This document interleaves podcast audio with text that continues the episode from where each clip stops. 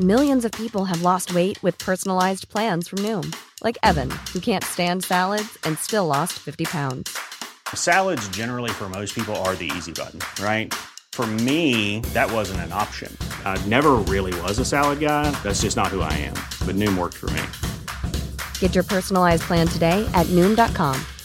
Real Noom user compensated to provide their story. In four weeks, the typical Noom user can expect to lose one to two pounds per week. Individual results may vary.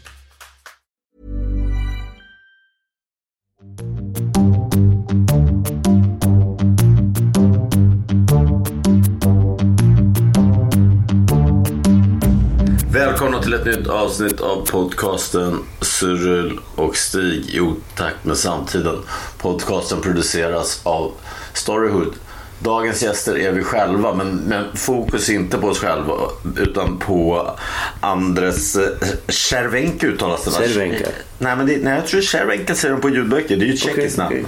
Ja, Cervenka. Tror, tror jag. Eh, Och, eh, så vi hade tänkt att prata med honom som är faktiskt den första som har tackat nej efter Leif GW med tid. Men sen tackade han inte nej utan han svarade inte på mig. Jag tror han har väldigt mycket att göra. Sen bor han i Lund dessutom. Och jag hörde från ekonomjournalister att han, han är väldigt betänksam vad han säger och så, så poddformatet kanske inte passar honom på det sättet. Men jag själv fick eh, ögonen för honom när Stefan Jard gjorde den här godheten som kom 2013 om girighetssamhället. Som fick... Stefan är jävligt smart och han läser ju också Dagens Industri, högertidningar. Han vill läsa liksom fiendens sida ur hans sida och är intresserad av ekonomi och, och, och sånt. Så, så i den filmen har han ju Tommy Berggren då som en ciceron och, driv, och, och drar in Molières den girige. Men sen har han då, och det blir lite kanske buskishållet ibland, men däremot så använder han just då Dagens Industri och Svenskans ekonomijournalister för att kritisera samhället och faktiskt det är tio år sedan förutspå det som kommer idag med ett ökat våldssamhälle, brutalitet och sånt som kan, ökade inklyftor på ett större plan kan leda till. Och, och så. Eh, Du har precis, du, jag har känt att när vi har pratat om, jag har ju velat haft ekonomen länge, jag läste ju ekonomisk historia och lite nationalekonomi men, men eh, det är inget, det är inget eh, huvud, eh, favoritämne för mig heller. Men jag har velat haft ekonomen, jag har känt att du har varit lite för osäker mark men du verkar ha fattat de här böckerna väldigt bra. Jo, jo, alltså jag, jag kan ingenting om ekonomi men när jag läser eh, Cervenka så är det klart att jag och troligtvis de flesta andra blir väldigt upprörd. Den heter då, vi vill säga att hans aktuella bok som kom förra året var bestseller som fick Augustpriset. Som, det brukar ju vara tecken på dålig har ju du sagt, vilket det oftast är. Men den här var ju bra. Gir i Sverige kom på ordfront och, och blev en bestseller för, trots att det är ekonomi det handlar om. Och, Men är det en bestseller? Jo, den sålde typ 50 000. Det är, i Sverige, idag är ju 5 000 en bestseller i Sverige. Så det är ovanligt mycket. Och jag tror att han har något på gång utomlands. För jag lyssnar på en podd som heter Förlagspodden som eh, Kristoffer Lind har med någon annan. Som är lite så här skvaller från förlagsbranschen eller någonting. eh, Kan man säga kommer veckovis. Jag lyssnar på den ibland. Men de sa att han fått en agent och gått över från naturkultur till Bonniers. Och de sa att men hur kan det komma sig? För att i utlandet är man totalt ointresserad av Sverige i sådana här frågor och även true crime vet jag. Det är bara helikopterrånet de lyckades med mån sälja utomlands. För Sverige är mer en avkrok, vi är inte som Tyskland, Frankrike som folk är intresserade av utomlands. Men eh, ja, som sagt, jag vet inte, han kanske har något på gång att göra det här på ett, på ett brett perspektiv också. Alltså det, som, det jag tycker är det stora problemet när man läser den här. För det är ju alldeles uppenbart att även utifrån ett kapitalistiskt perspektiv är det här liksom hur man sköter ekonomin är, är det inte så, så smart helt enkelt. Nej, det var ju det Stefan jag gjorde i sina filmer. Och, eh, och då undrar man ju varför det är på det viset. Och jag är ju då allmänt misstänksam mot allt och alla. Och jag upplever att ett stort problem, när man läser den här, då tänker man, eller jag tänker, hur kan det komma sig att det, att det inte blev mer hallå kring den här boken? Därför att det som står i den här boken är ju närmast chockerande. Alltså, det blev ju hallå, men tyvärr blir ju det de vanliga vänsterröstarna som man är så van vid att slå in öppna dörrar, Göran Greider och, och, och de här. Eh, medans, men jag, jag håller med, för jag frågade dig innan. Det är sådana självklarheter att, eller Johan Akelius var inne som, det är den enda, jag tror det var Johan som det är den enda som har kritiserat den lite. Att det, det är inte fult att tjäna pengar och det tycker inte du och jag heller. Vi har just fått våra första du har ju precis fått dina första ölpengar men det är ingen större summa. Det är ungefär vad du har druckit. 3000. Ja, och du ska ha 800 till eller något av mig. Men så det, och det är mindre än vad du har druckit öl för. Ja, det går nog jämnt upp. men, men, men i alla fall. Eh, Men på långsiktigt kommer vår absint nästa vår kommer ju 11 länder ser det Ja, ut det som. vet vi ingenting om än. Ja, de har sagt de, de, det kan jag berätta mer om det sen. Skitsamma. Ja, vill man sponsra podden så köper man vår öl Cyril och som finns på Systembolagen på Södermalm, Enskede, Nacka och eh, Systembolagets specialsortiment. Det är på deras hemsida man kan beställa. Men, alltså, i alla fall. Det är inte fult att tjäna pengar men det är fult så som vi har det här. Att vi har ingen, alltså, länder som USA har till och med arvsskatt, förmögenhetsskatt, eh, taxerings, vad säger man, fastighetsskatt. Mm. Och, och det har man tagit bort i Sverige. Alltså, jag, alltså, eh, eftersom jag nu är en sån jävla amatör på det här området måste jag ändå eh, liksom uttrycka mig vad jag tycker. Va? Och, och jag uppfattar att ett problem är att media sedan lång tid tillbaka är helt enkelt högermedia. Alltså jag tänker då, egentligen så tänker jag till och med på det som kallas för vänstermedia. Därför att alla är på något sätt med en borgerlig bakgrund. Ja, de har liksom... Alltså jag, jag har ju upptäckt det kan man säga under det senaste året. Alltså det är en väldigt stor skillnad på de jag känner här på Lilla Essingen. Som, eh, framförallt de som nu är pensionerade och som har varit arbetare. Alltså de har det helt enkelt ganska knapert. Eh, medan däremot en massa människor som jag lärt känna eh, sista åren som är ju då kan man säga journalister eller jobbar med i olika statliga verk eller du vet, eh, övre medelklass kan man säga. Alltså de har ju en extremt god ekonomi. Och det jag tänker på, jag började då på Expressen eh, 85. Och då var ju journalister, var ju, det var ju inte de var inte, hade inte mycket pengar. Det var, inte, det var, inte ett, det var ju snarare ett, ett lägre medelklassjobb. Ja, och de som blev journalister, jag tänker på en som typ som jag hade som mentor till exempel Janne Lindström eller uh, Ulf Thorgren som var på Expressen eller Thorgren på Aftonbladet. Det var ju arbetarkillar som gick till sjön och så hamnade de kanske i Beirut och så skrev de några knäck för de tyckte det var kul att skriva och sen kom de in och blev Ja, men kvällstidningsjournalister alltså, på det sättet. någonstans i slutet av 80-talet, eh, jag, jag undrar om det här, om jag är ute och cyklar, men jag tror inte det, så blev journalister plötsligt ett höginkomstyrke. Och jag tror, att, jag tror att det handlar om ren och skär muta. Alltså om man får människor som är någorlunda intelligenta att tjäna pengar och, och liksom ha villor och eh, eh olika grejer utomlands och så och, och tillhöra på något sätt den övre medelklassen så blir de mindre kritiska mot hur samhället är strukturerat. Då. Sen, sen har du ju också, det finns ett uttryck som säger att på, jag har ju tillbringat, jag håller på med en speaker till en dokumentär som kommer i höst på, på SVT.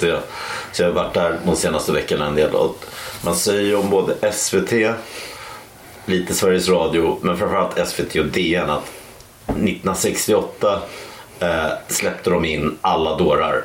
Sen dess har ingen kommit ut för att det är deras barnbarn idag som jobbar där. Att de Ja. sitter på platserna och liksom, Jo, med alltså- näbbar och klor. Alltså det jag upplever som det stora problemet det är att vänstern, det vi kallar för vänster, är också fiender. Va?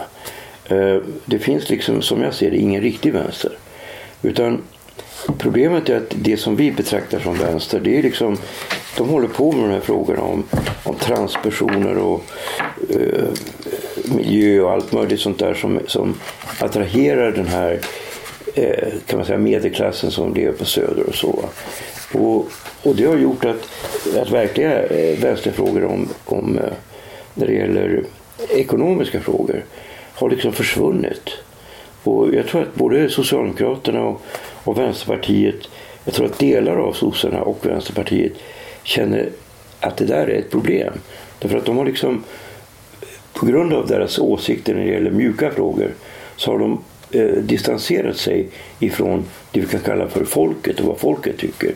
Och det folket tycker, det har blivit mer högerfrågor. Det är därför Sverigedemokraterna har fått en sån framgång. Ja. Alltså man ska inte fråga sig hur kan det komma sig att, att de har haft en sån framgång? Jo, det beror på att de har tagit upp frågor som är, är kännbara för vanliga människor. Mm. Nu får man inte ens använda uttrycket jag vet ju, det var Göran Hägglund, tror jag, eller om det var Alf Svensson, som använde uttrycket verklighetens folk. Mm. Och alla skojade om det, skrattade åt det där. Men det finns ju, det ligger ju någonting i det där. Alltså kan man säga alltså att det här utförsäljningssystemet och ta bort skatt sådana här självklara skatter som finns i andra länder. Eller sälja ut skolan till exempel. När jag läste statsvetenskap sa, sa mina lärare till exempel. Varför har, vi inte, varför har övriga världen ministerstyre och inte Sverige? Beror det på att, att, att Sverige är smartare och att vi är ett bättre politiskt system än andra? Eller är det tvärtom? För att, Hur menar du då? Ja, det är klart att det kan bli korruption med ett ministerstyre. Om en minister får bestämma den här och den här ska få det här bygglovet. Den här och den här ska få stanna som invandrare. Men det blir också att ministrar har inget ansvar. Uh, uh, och det är ju samma sak med som skolsystemet. Betyder det att det var ju, nu har inte ens Chile kvar det, men så som vi har sålt ut och privatiserat skolan och att de här vissa, framförallt från gamla sossar, ministrar tjänar uh, hundratals miljoner på det.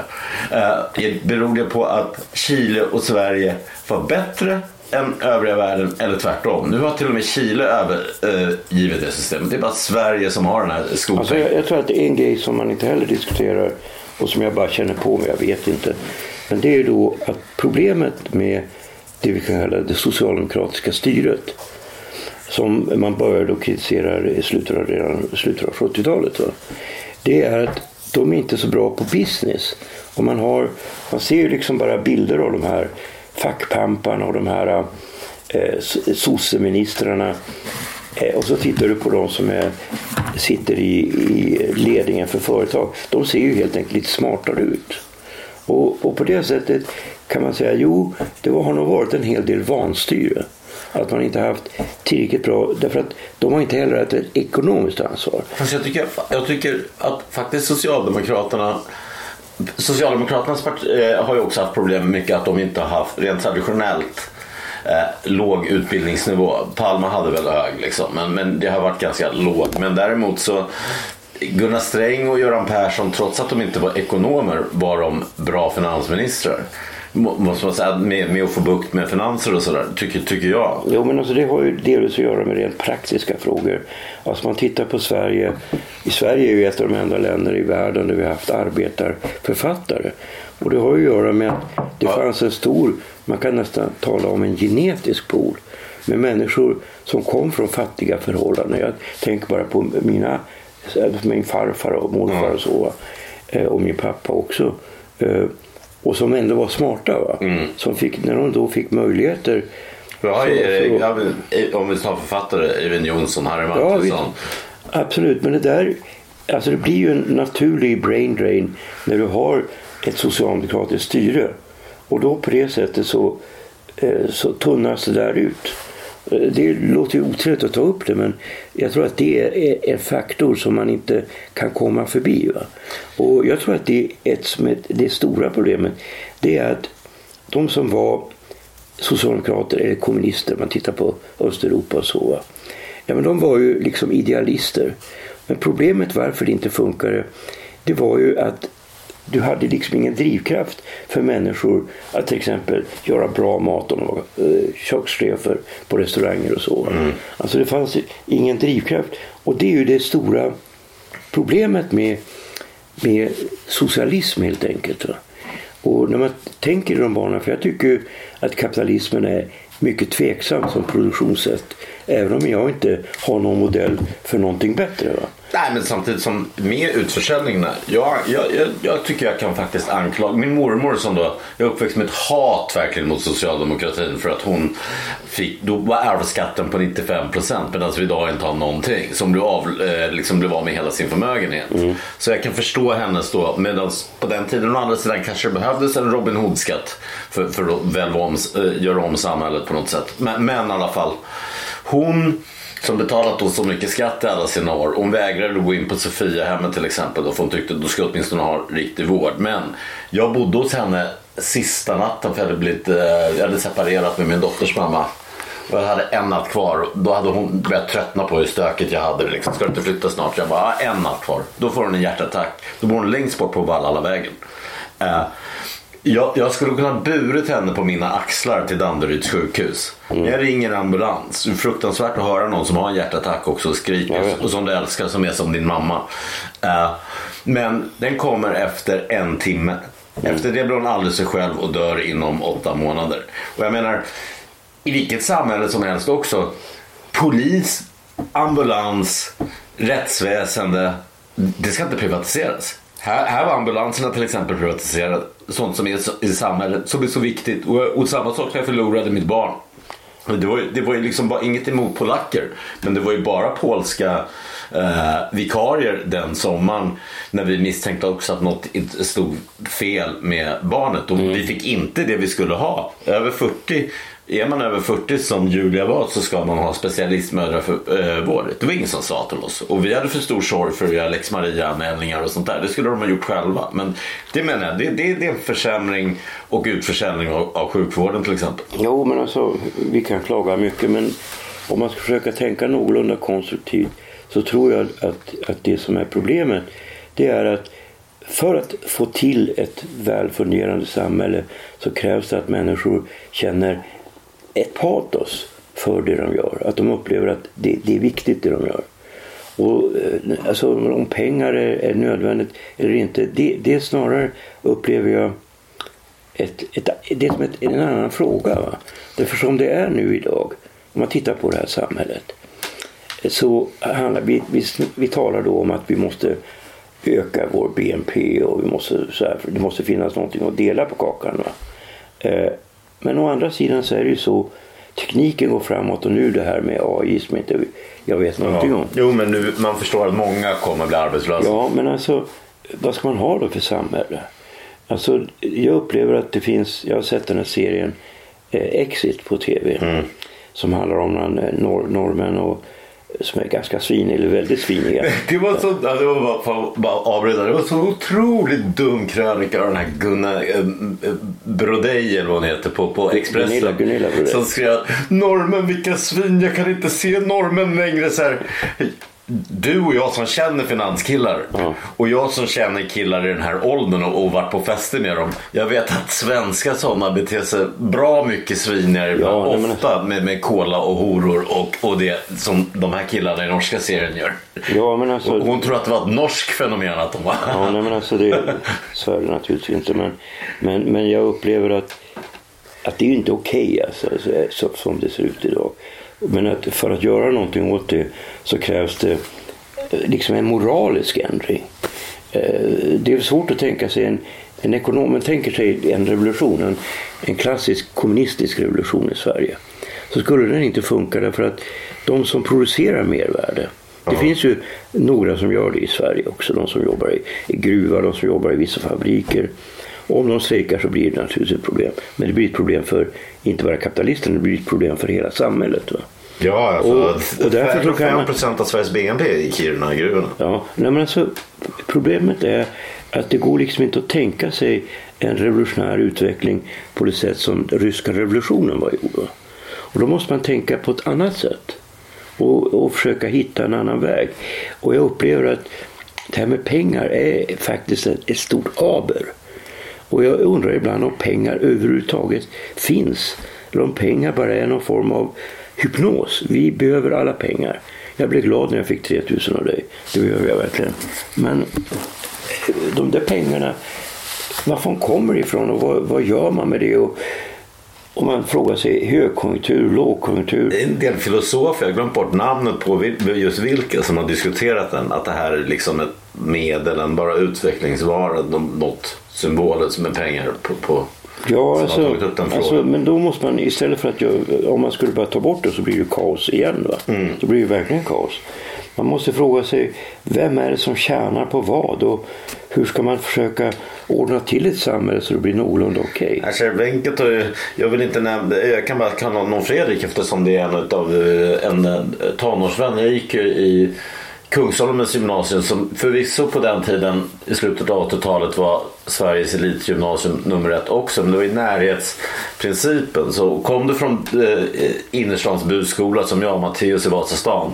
Där lät våra snittbetyg som arabkolagram brukar jag säga 0,7, 1,1, 1,9. Men det kom också folk från Bromma.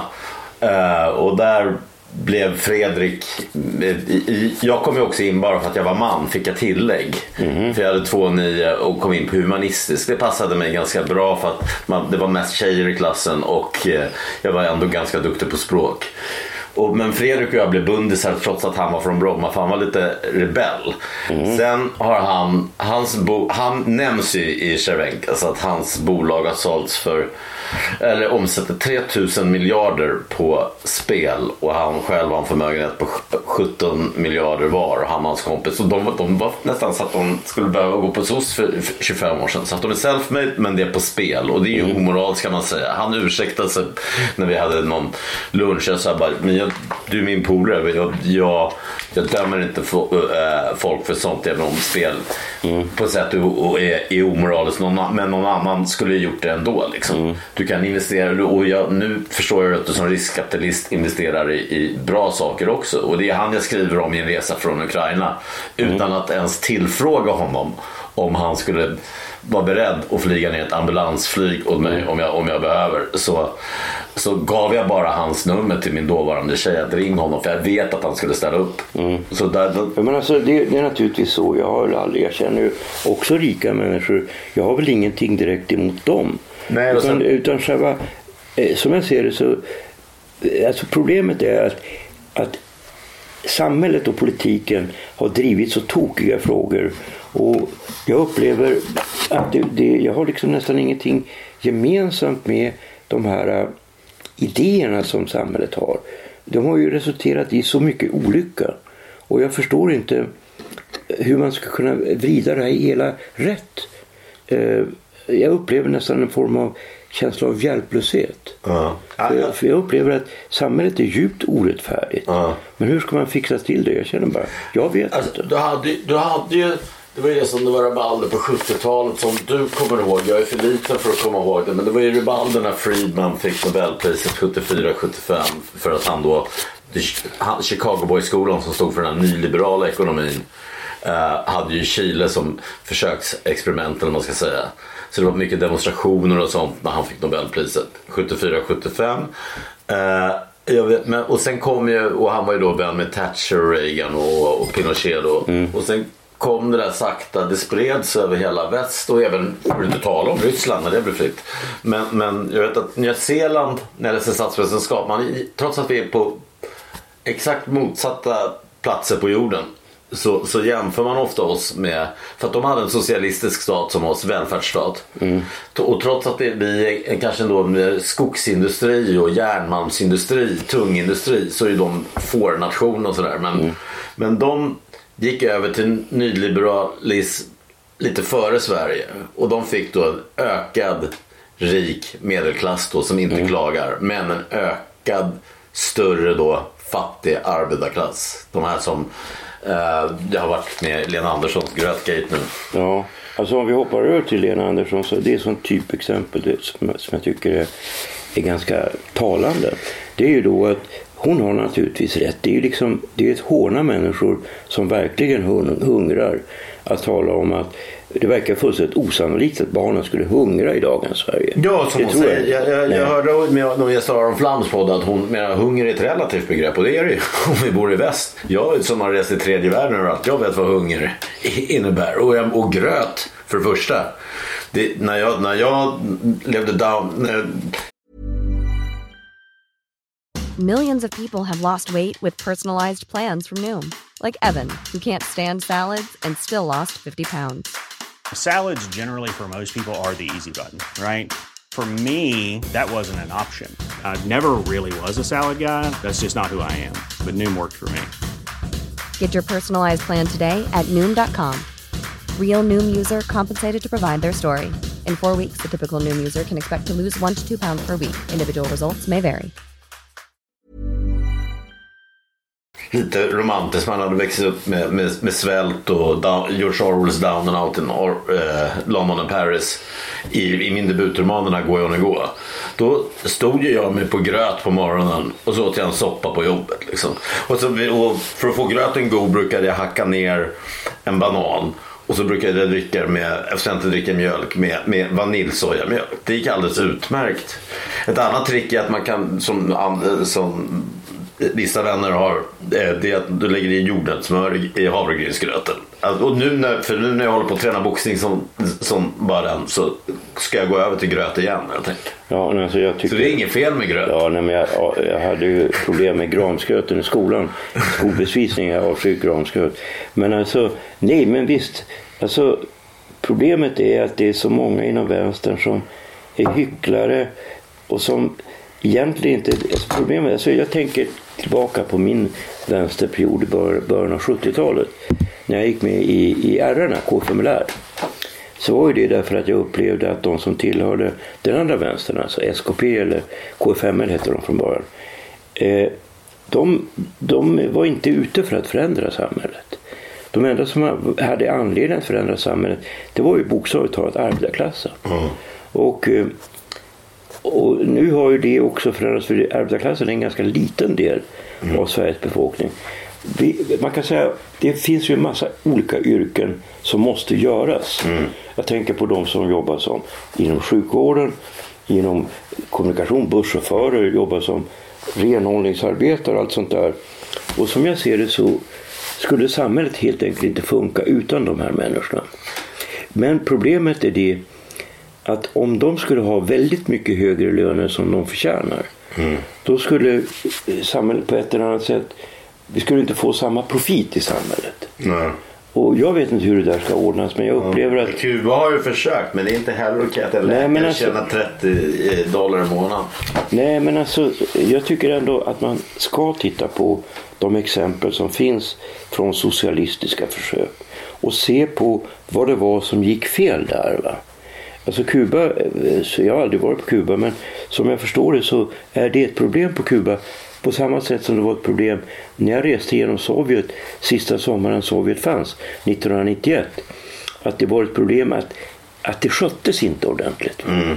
Och jag vet, vi gjorde en intervju med en snubbe som heter Fjodorov som var guvernör för Sachalin och Sachalin var tillsammans... Det är alltså en Tjechov skrev, ja, kan man väl säga. Den ligger då norr om Japan. Mm. Och, och Sachalin och... Sverd... En fånge var det va? Ja. Mm. Eh, Sachalin och eh, staden Sverdlovsk, eller regionen Sverdlovsk, var liksom prov, provområden för kapitalism innan Sovjet föll. Mm. Man skulle kolla hur mm. funkar det. Va?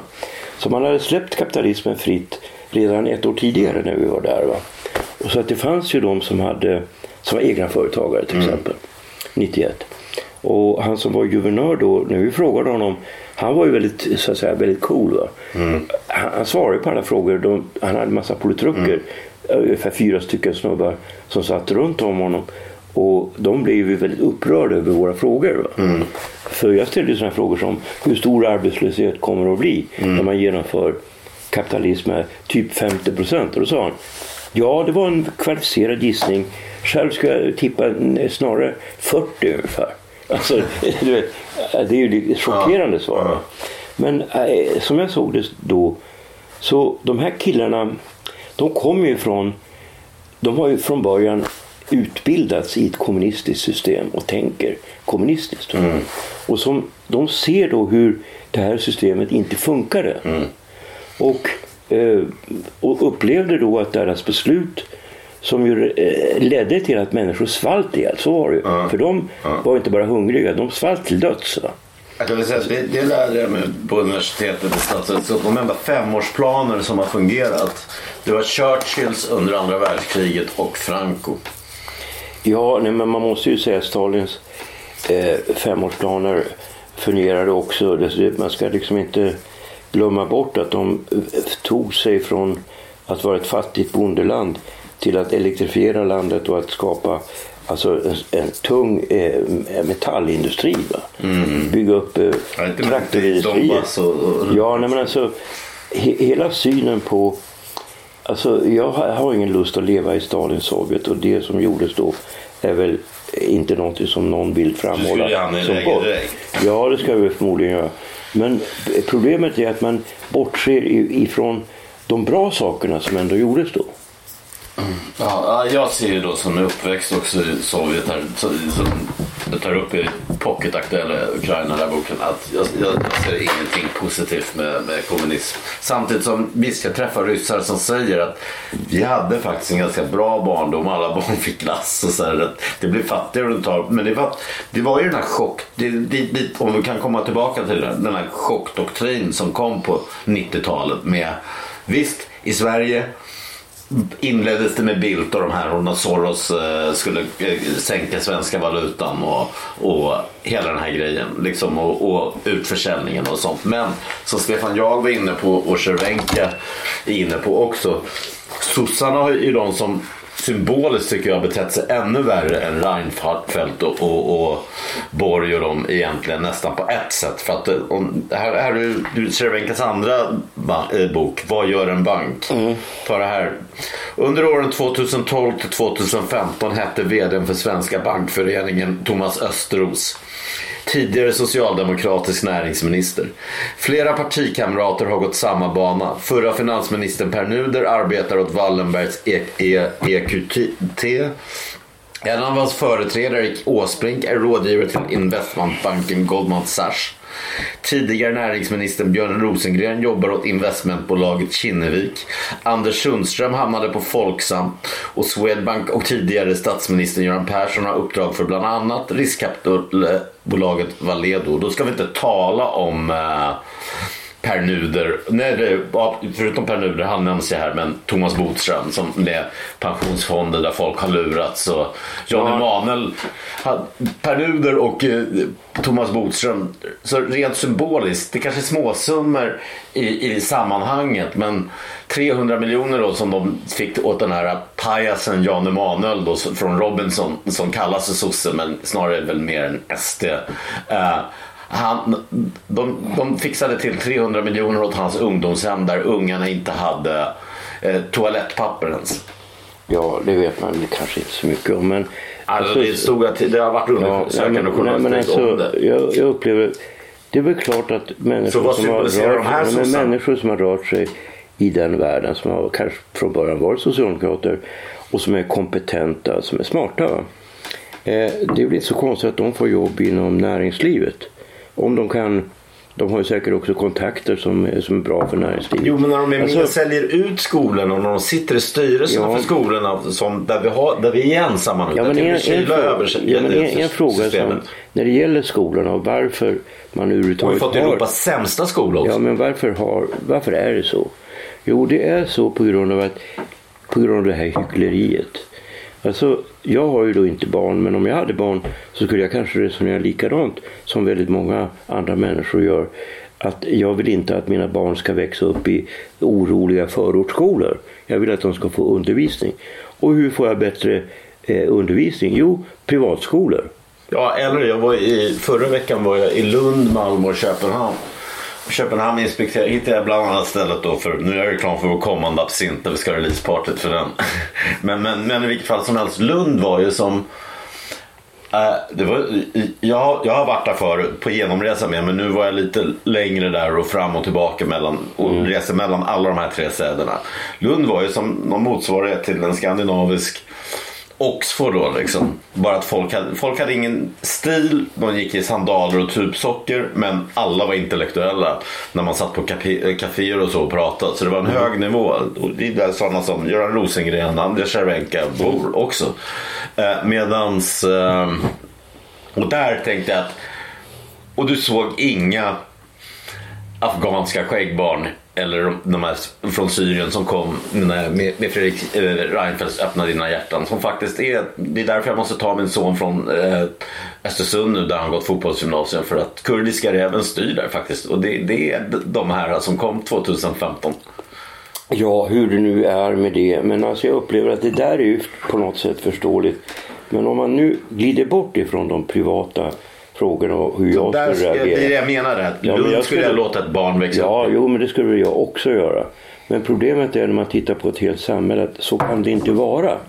Jag minns så väl att när jag lärde känna det, det här gänget med invandrare i i 94, 93, 94 så de var ju väldigt intelligenta, väldigt smarta människor men hade ju ingen som helst bildning. Jag försökte ge dem då lite bildning. Va? Och, och jag insåg då att själva klyftan mellan de som var invandrare och som kommer från förorten. Jag kommer också från början från en förort. Jag kommer också från arbetarklassen. Men jag fick ändå utbildning. Va? Det är att de, de tjänar, alltså de som, mina kompisar som har barn, va? de tjänar ju på att det är som det är. Därför att deras barn har ju då anledning att socialiseras, att, att liksom göra karriär i samhället och så. Det är ju inga problem för dem att liksom sköta sig. Va? Men eh, de eh, får ju en enklare väg på grund av att det är mindre konkurrens. Ja, ja. Eh, Och, och jag upplever Jag har ju varit med Stefan Jöhn när han haft föreläsningar om sina filmer och för invandrarkids skolor. När Micke, vår gemensamma Mm. vän Micke Jallow, allas vår gemensamma, som har gästat vår podd. När han, när han har tagit dit sina invandrarungar som jag också varit och föreläst för. Då har Stefan sagt, som jag också har sagt till dem, att ni kan inte prata på det här. Ni, får, ni kan inte bara, det går inte att prata baba br- brorsan hi- hit och dit när ni, om ni ska söka ett jobb. Man kan ha dubbla språk som Navid kan tala, Alexander Saltzberg, min, min djurboksinläsare, även jag kan tala. Men ni måste kunna formulera er på bra svenska det, om ni ska söka det, ett jobb. Det är ju liksom inte bara det utan själva motivet till att göra, alltså om man tittar på en tioåring va, som är smart och som skulle kunna bli vad fan som helst egentligen. Va. Så motivet för den personen att, att disciplinera sig, att sköta sig när det finns andra saker som konkurrerar och om man tittar nu på kriminalitet att man skulle kunna bli en kille som, är, som du vet eh, jobbar åt olika gäng. Va? Alltså att det blir ett rationellt val. Då, då är samhället ute och gungar. Va? Och där är vi. Det är, det är där. Jag skickade upp bort min son från Djursholm. För det har spritt sig som en cancer. Det finns det överallt där. Ja visst och, och jag vet inte. Jag, Där har ju Djursholm och Lidingö och Askim och vad de heter i Göteborg. Askim. Askim, jag säger alltid fel på det. Men, eller Limhamn i Malmö. Där har ju ungarna pengar att köpa droger. Men, de behöv, men langarna, kurdiska rävens folk och de här, de, de behöver ju folk som levererar det dit. Liksom. Så det Ja. sprids ju som en cancer överallt. Jo, och, Och det är först därför man börjat reagera nu medan Leo varn och jag varnade för det här 2008. Ja, nej men alltså, det här är en dålig podd. Vi, vi står i hjälplöshet. Men jag vet inte riktigt vad man ska göra. Men jag tror att ett första steg. Det är att skippa hyckleriet. Man måste nämna saker vid dess rätta namn. Det får inte vara så. Jag var nere då, jag fick låna en lägenhet och var nere i Nice två veckor. Och då kom en kompis med mig.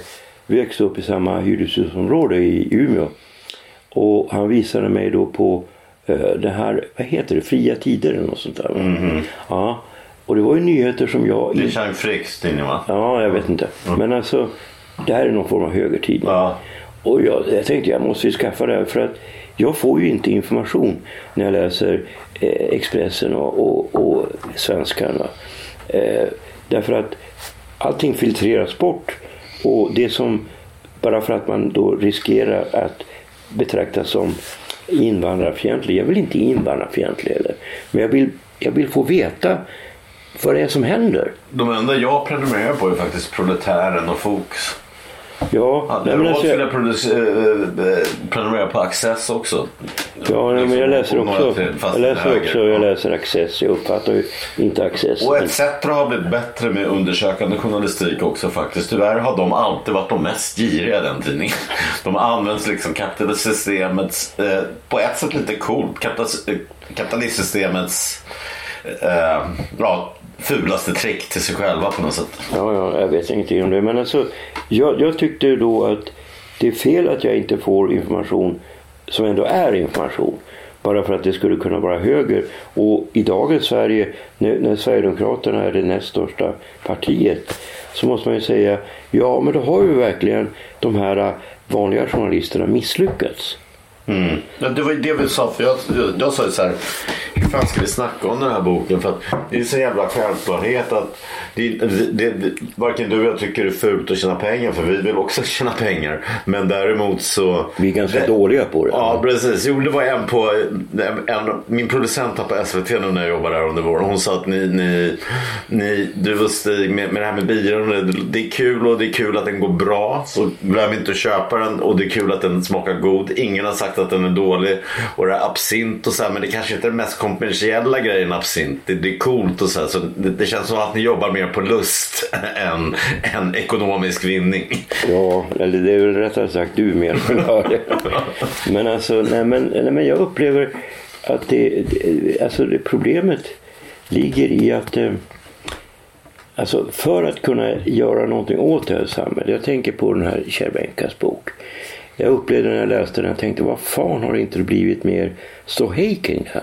Ja, det var det du sa. Varför, Ja. varför tar inte folk upp Och jag det? upplever Varför accepterar man? Ja, men jag tänkte, tänkte på Juholt då. Jag tänkte på hela den här Juholt-affären. Jag läste då den här, vad heter han, den här killen med skägg. Suonen. Suonen, ja.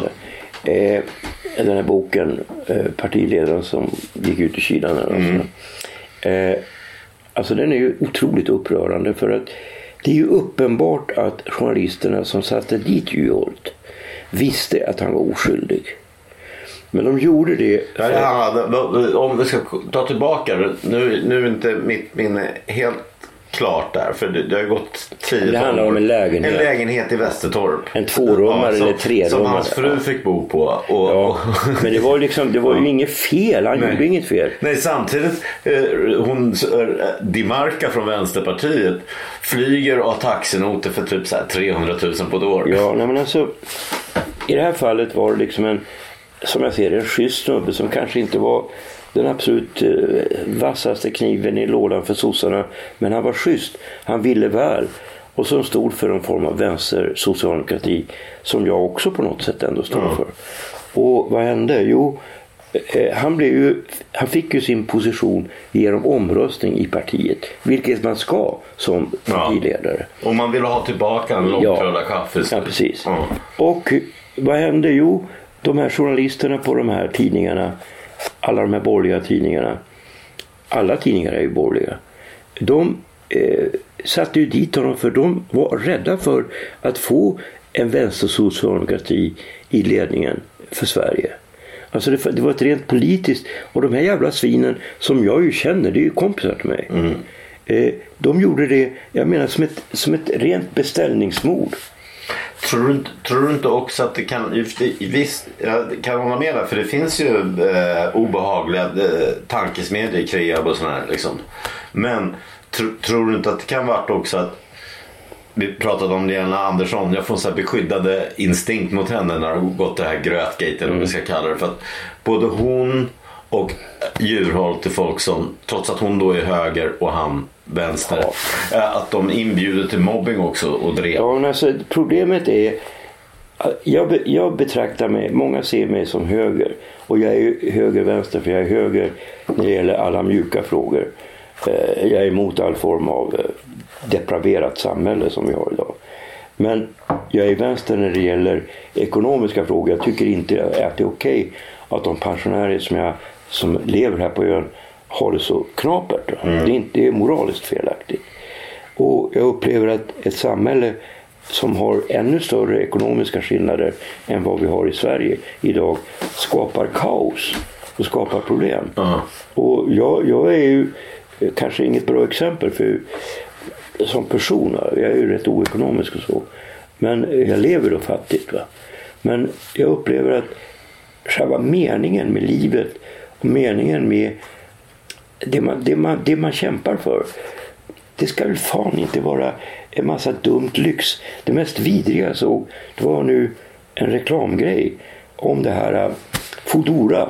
Ja. Eh, jag tycker ju de här stackars människorna som åker omkring med de här buden. Och så är det en reklamfilm där en massa eh, jävla överklassungar, eller snarare vanliga ungdomar, säger för att jag vill.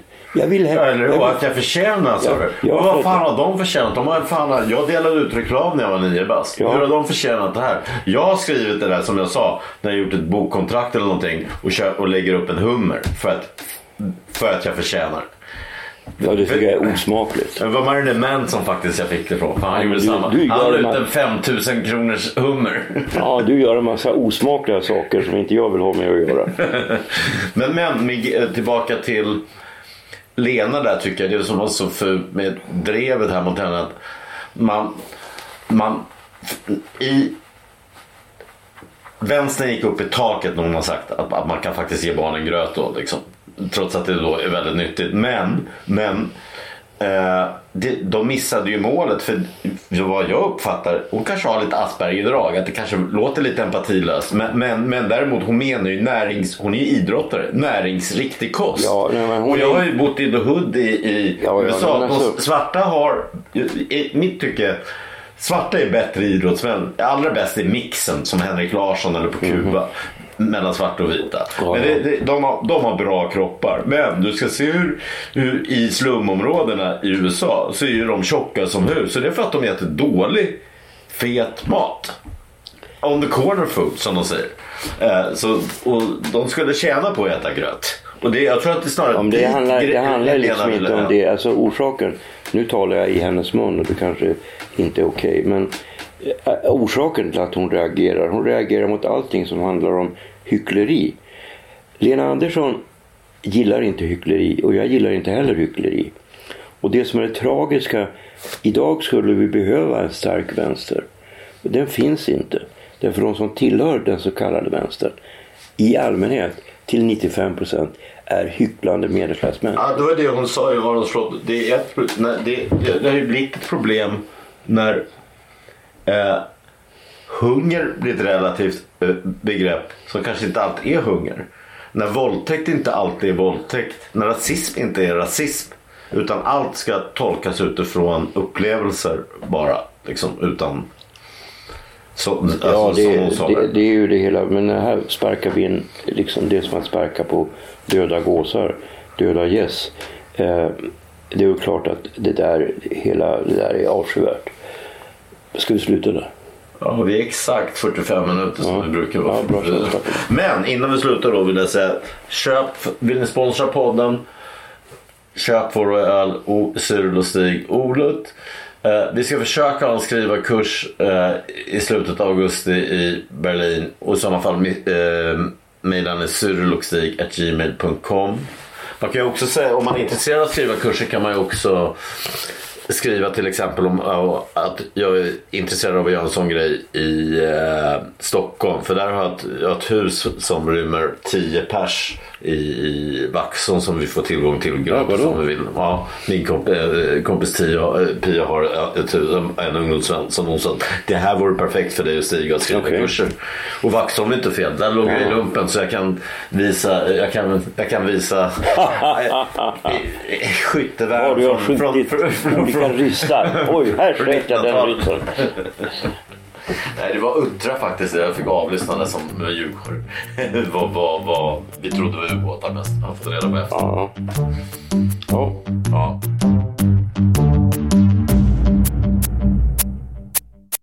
Det är inte gratis att göra podd och vi är beroende av varje bidrag. Swisha in ett bidrag på nummer 123 53 54 857. Jag repeterar numret 123 53 54 857.